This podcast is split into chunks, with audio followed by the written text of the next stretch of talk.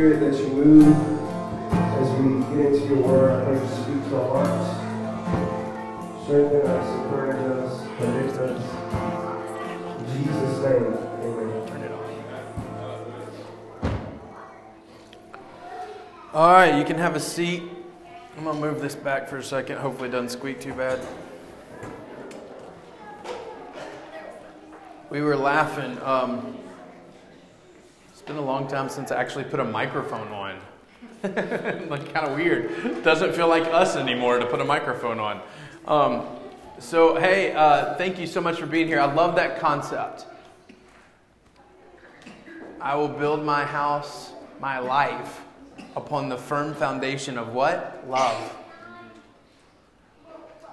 If you think about it, human love is a love that's very fickle. Hey, I'm good with the kids, y'all. It's going to be a, a, hey, Finn, Finn, come sit with mommy. Um, it's going to be a, a to keep them quiet, so I'm good if y'all are good. Um, this is what house church is about when we're, especially when we're in somebody else's building. Kids go crazy. Um, hey, no, that concept, man-made, man-made love, man, human love is it's fickle, right? Right? I was debating as I was driving the six and a half hours back from Tennessee, Knoxville, Tennessee yesterday of selling all my UT gear. Like I'm com- like debating about it, right? And it's gear that I bought on the way there, right? Like I bought gear on the way there and while we were there. But Tennessee choked yesterday, Georgia State School of the Blind or something like that. I'm not totally sure. We lost to them. Um, but but we had this cool thing of Max and I had this great opportunity going hanging out and having a great time.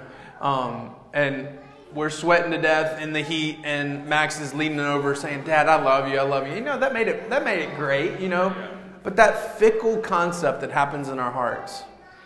Hey, if I were to build our house just upon the love that I have for my family, even though I love them to death, it's not a firm foundation.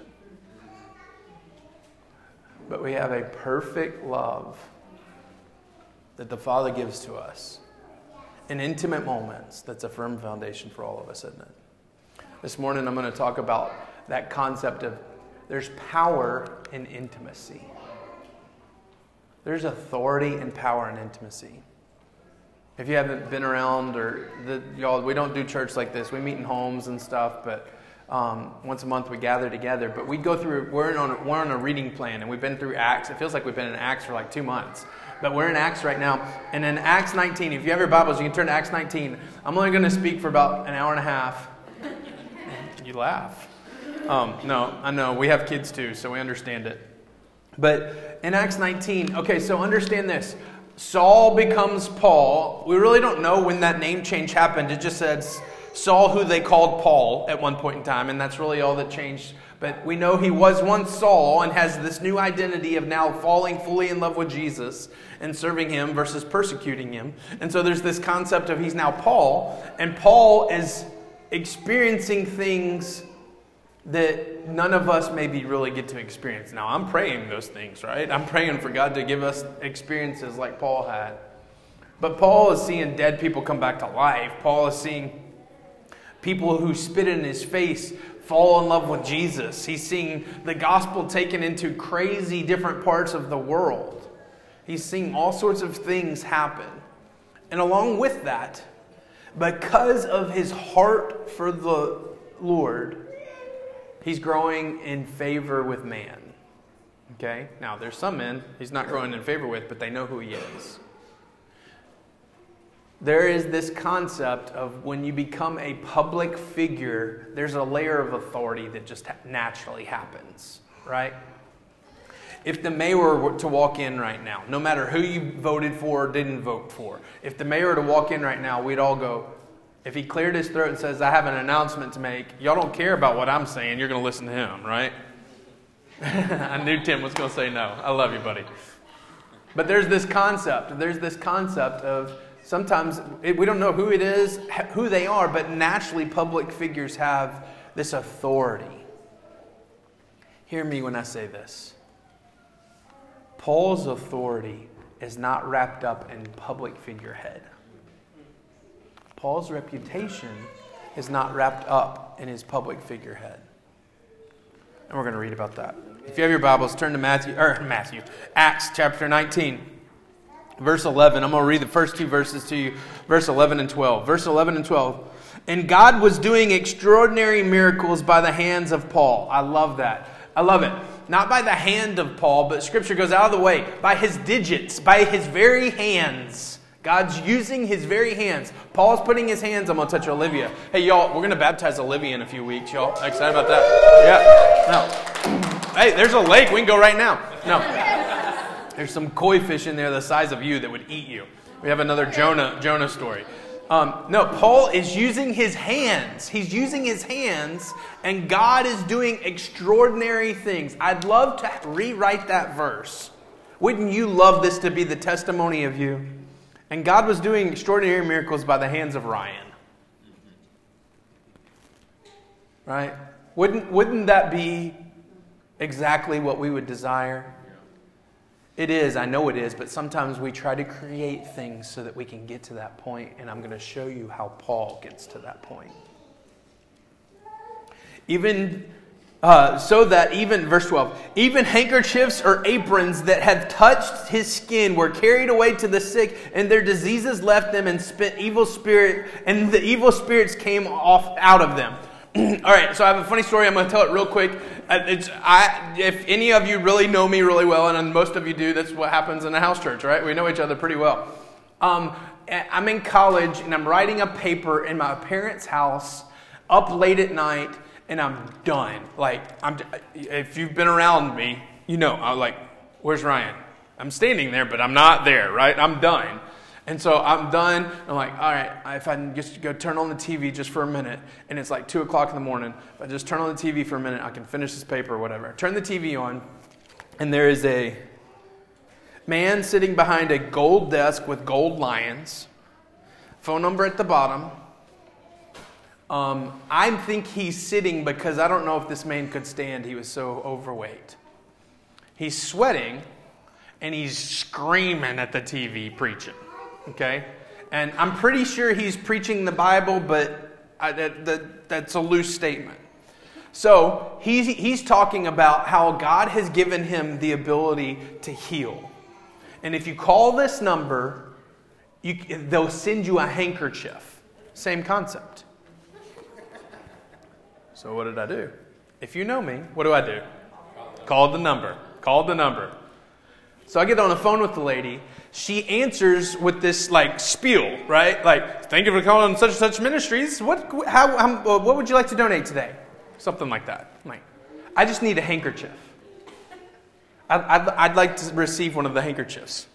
I think I said hanky. I'd like to have one of the hankies.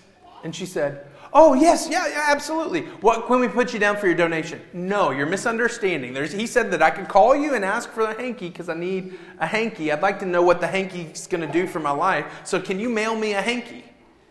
And she, the, the, no. And I said, okay, so tell me how much the hanky cost. How much? $45. $45 for the hanky. And I said, so I have a problem in my life and you want to get me to send you $45 so you can send me a 30 cent hanky. Yeah. Okay, well, here's what I want to know. I, how do I know that he's prayed over that hanky? And I'm just not letting this girl off the hook, all this stuff. And I, I told her, I said, I'm called in the ministry. I, I work with students at the time, I was working with students. And I said, I know that Paul teaches about another Jesus, another gospel, and you do not follow the same Jesus, the same gospel that I do. And hung up the phone went back, was ready to type. I don't even know what the paper was about, but I'm like, Anne says that I type with authority sometimes. So, whoa, are you are you mad? Are you are you like? I'm just typing my message. What's going on, right? but she can hear me typing. There's this concept of we do things to look, be, or we even in genuine intention, just like I said a second ago, with love for that passage to say Ryan uses his hands for an extraordinary things. But if we do it in man made or even great intentions, y'all, we mess it up. Watch this. The source of power is always more than the effects of it. The source of power is always so much more important than the effects of it. Think about it a light bulb and a plug. How much do you spend per month to make sure that plug has something behind it? We talk about hankies and somebody ripping you off. Let us talk about MLG and W for a minute, right? Sorry, sorry. I got political. Um, no, this concept. I go to plug something in and it doesn't work. I get really mad. Why? Because I'm used to the effects of the source. I can tell you how a light bulb operates. I can't tell you where they're getting the power from. I just know it shows up to my house. It's a lot more complex. Watch this. It works in the same way with miracles and authority and things that God does in our lives. Watch. God gives us light bulbs of His power in order to better understand Him as the source. I don't understand how the electricity really works inside the house. I just know when I flip the switch or say, hey, Alexa, will you turn the lights on? that they come on. I know that when the light bulb's not working, I go get a new light bulb. But the constant power source is still flowing to my house. I can relate to him better because of the small things that illuminate my life. He illuminates my life in small ways. If I tried to go stick a fork in the power source, I couldn't handle it all at once. Clayton stepped out for a moment, but Clayton could tell me all sorts of things of how to and not to handle high voltage and electricity. I don't know how to handle it. I can only handle the small incremental things of power. You ever stuck your uh, tongue to a 9 volt battery? Yes, there's lots of idiots in the room just like me. All the ladies are like, Who are you? And I'm like, Every dude in the room's done it. You know, just it's not working. Is it working? Let me check. All right, all right. It works. Yep. And I can't taste anything. Listen, when I press in to learn more about the source, I find a new depth of power and authority. God is saying the miracle isn't the point, and so often we get to where it is that is my own reality. I only see the miracle. I only see the miracle. And God's saying the miracle isn't the point. I've said this to you a hundred times. I said it to my uh, Ann's cousins this past week and when we drove to Knoxville. I stopped in their house and they're struggling. Been an independent Baptist church for 35 years and they're kind of struggling with it a little bit. And I said, Church, in church, we've gotten to, so caught up in salvation being the point that we miss the good stuff of the intimacy with the Father. Come on, preach. Yes. Salvation is the key. We've got to have salvation. If we don't have the light bulb, I don't know if the lights are working, if the electricity's on. But if I just go and worship the light bulb and never really put it in, just hold, walk around carrying the light bulb, I've got my salvation. But I never plug it into the source, it's pointless. The point of salvation is the relationship. The point of the miracle is a new depth of the Father, is the intimacy. I love this. Let's look a little deeper into what the Father's saying in these two verses. What are aprons and handkerchiefs? Think about it in Jewish culture. Think about it in Jewish culture. You don't touch unclean things.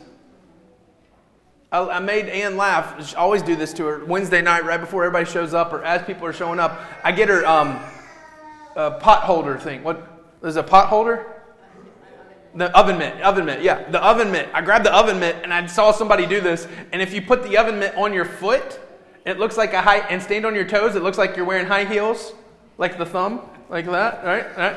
And so I made her, I just, just to make her laugh. I think maybe Christy was there and thought I was an idiot, but there's nothing new to that. But then she's like, Why'd you put your foot in that? I was like, Do you realize how gross this thing is, anyways, right?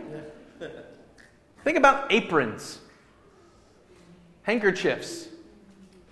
They're gross. Oh, let's see it. God uses the things that we discard, not clean things. Sometimes God uses our sickness. Sometimes, what's an apron? A server, servant. God uses sickness and serving just to bring the miracle about. How are they sending these things? It's because it's what they had on hand. They were servants or there were sick people around. And in Jewish culture, this would be considered the filthy rags concept. They would throw these things out. It's not like you have a handkerchief and you clean it. No, you use it once and you're done. But they're touching their handkerchiefs with, to the skin of Paul and sending those. Let me rephrase it in a more modern context.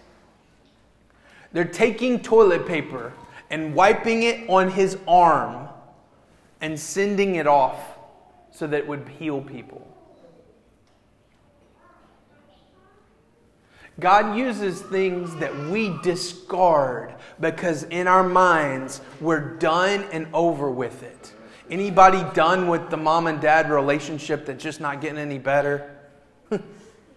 Anybody done with the sickness? Anybody done with the, the, the pain, the bitterness?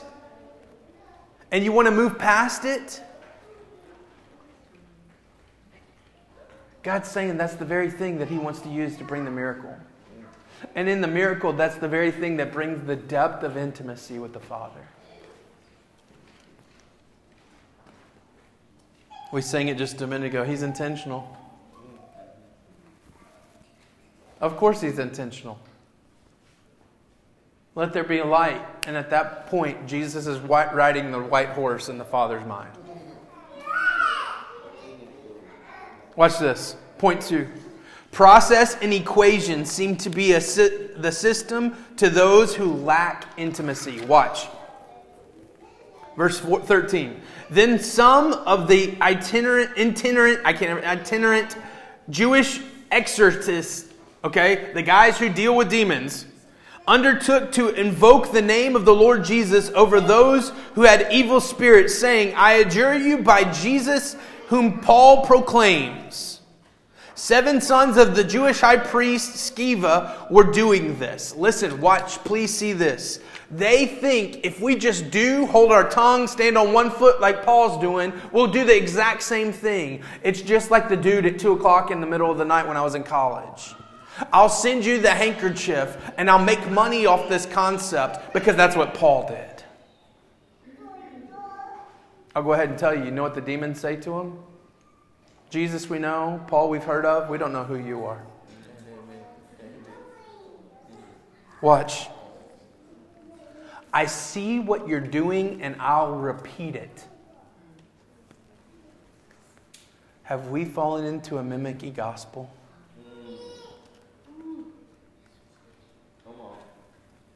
Oh, family, please. So much of the last year, the Lord has purged out of a lot of us so much of the last year where we, where we struggle with why are we doing things like this? And Lord, what do you have for us? Let's keep things intimate so we can stay relationally transparent with one another, so that we can motivate one another to love and good deeds. If we start to mass produce, we're just repeating and mimicking a gospel when the gospel is not meant to be mass produced, repeated, or mimicked. It's meant to be individualized. Sweet Loic, right here, is going to interact with the gospel that's unique to him, that we all know, that will change his life. Lord, we proclaim that in the name of Jesus over him. Watch. Religion seeks to repeat when God seeks to grow us. I've told you guys this story before. I'm not a carpenter, but I can see this concept. I would do this when I would make something. And, and, many of you that have been to our house, you've seen the tree house, and there's a little bit of a lean to it, but it's okay. It's a tree house. If you go and cut wood, and I need 100 boards to cut, if I need to cut 100 boards, I measure the first one to 10 feet, mark the line, and cut it. What would the rest of the boards do? Do I need to pull the tape measure out anymore? No, because I'll just leave that board and draw a line. The width of a blade is probably an eighth of an inch. After 100 boards, I've dramatically changed that 10 foot board. It's no longer 10 feet, right? Do you see, if we repeat the past, we no longer have the original. If I mimic or repeat someone else, I'm not getting it to its full intention. Oh, buddy. Watch this. Yet, this is what we're doing. Please hear this. I need everyone to hear it. Say the prayer, read your Bible and pray, tell other about him and live your life right, and that'll be a relationship. I can do those things in a mimicky concept and never hear, feel, understand, or meet with the Father. These things are just us flipping on the light bulb because somebody else told us to do it. Have you ever thought about the electricity to your house? I got one way to tell you. Have 40 people come on Sunday mornings and Wednesday nights and watch that AC struggle. Like, how can we make this work better? Right? Or go to plug your phone in and it not charge. Throws us all into a spin, doesn't it? Please, please see this. If I just flip the light switch on spiritually, where I just see the miracles or our worship, but I never really encounter the Father, I've missed the boat. Sure, Jesus loves me because the Bible tells me so, but guess what? This morning he told me to. He speaks his love over me on a continual basis. I need the Bible to help me. I need the Bible as a key, but I need his heart. The Bible is his heart laid out. Here's the other thing light bulbs burn out. You got to replace light bulbs. Last week's miracle isn't today's intimacy. Please see it. Please hear it. Watch. Verse 15. But the evil spirit said to them, Jesus I know, Paul I recognize, but who are you? And the man in whom the evil spirits leaped on him mastered all of them, overpowered them, so that they fled out of the house naked and wounded. That's some scrappy brawl right there, right? And, they be, and this became known to all the residents of Ephesus, both Jews and Greeks, and fear fell upon all of them. And the name of the Lord was extolled. You know what extolled means? Enthusiastically praised. The name of Jesus was enthusiastically praised. See the transition? They're just using Jesus' name as something to sprinkle to cast demons out when they really don't know him, versus a group of people who are praising him enthusiastically. Watch. An intimate relationship with the Father is known by all. This is going to sound creepy. It's going to put some, oh no, he knows. But we all know when you've spent time with the Lord. One of the worst spankings I ever got. Anne's laughing because she knows this story. One of the worst spankings I ever got. This is what happens when you grow up in a pastor's home and, and you're a prophet and you can see things black and white. When I saw things black and white, my mom let me have it one morning. She was angry with me. She was not having it. I was acting a fool, but she was probably there too, right? Okay. And she's letting me have it. And in the midst of the argument, you know what I said to her? Mom, I think the problem is you've not spent time with the Lord this morning.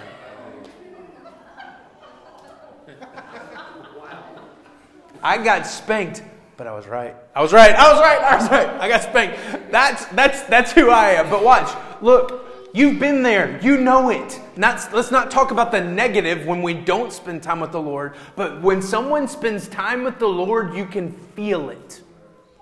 You can feel peace drip off of people. You can feel love drip off of people. Praise enthusiastically. Watch what happens. Paul's intimate time with the Lord gives him an opportunity where he can lay hands on people or they can just touch him with a cloth and someone else get healed two towns over. It's because he knows the Jesus intimately versus another dude who's trying to do the same tricks in magician magic ways. And he's just using the name of Jesus. He's just evoking the name of Jesus. Oh, family. Jesus' name isn't to be used like magic fairy dust.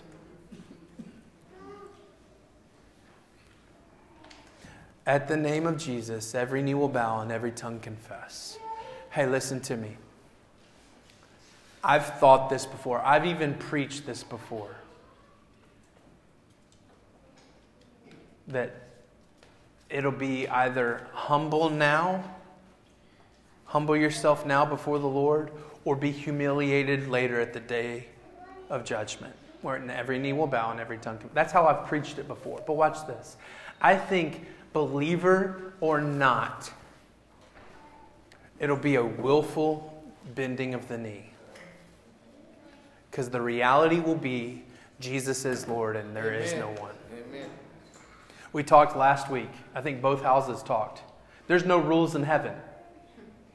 You thought about this before? There's no rules in heaven. Because the reality of the ruler is fully known by all. And so there is no concern of right or wrong, it's fully present in our midst. Watch this. The name of Jesus is how all men plug into the source. The name of Jesus isn't how we flip the light switch on. The name of Jesus is an intimate relational connection. Anne doesn't like it when I talk about this, but there's this. Um, I, I, don't drink wine, but I, I, imagine people who sit around and drink wine doing this. Uh, I'm sorry if that's you. I'm just making fun of you. But like the, it smells full bodied or whatever. And this this concept of like like understanding and being fully known about understanding the wine and all this stuff. I think we have that in a spiritual context and we become intellectually arrogant and speak about the Lord in ways that it feels kind of like this snooty wine person. And I feel like I get around friends who are like that and they only use the name Christ.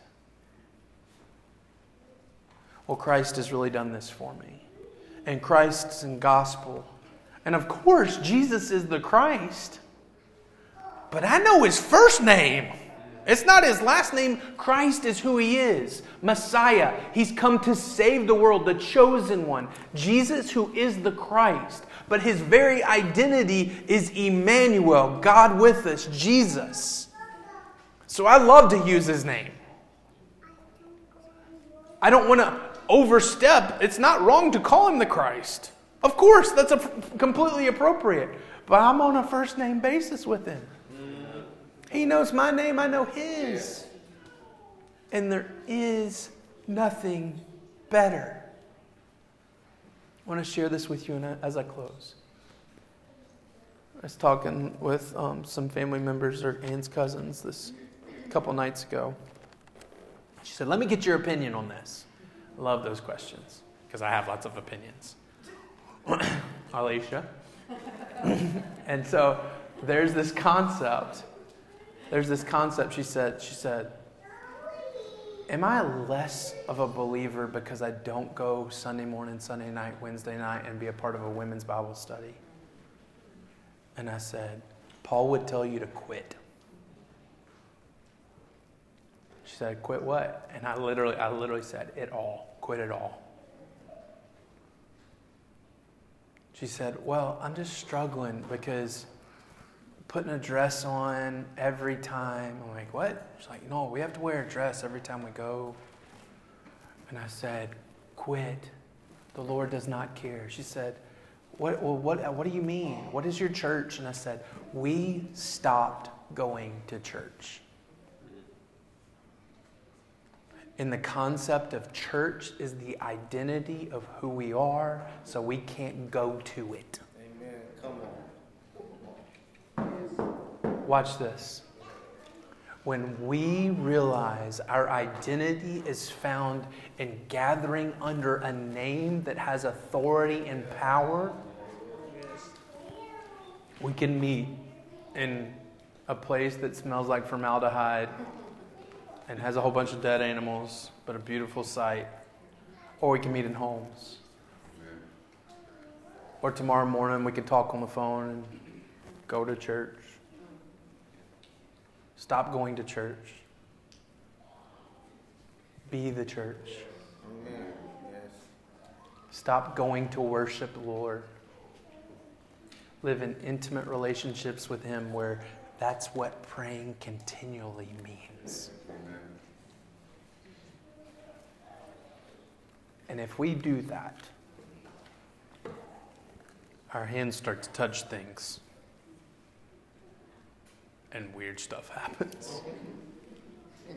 Our kids start to speak of things and weird stuff happens. We start to ask the Lord for things and weird stuff happens. Oh, family, let's do that. Let's pray.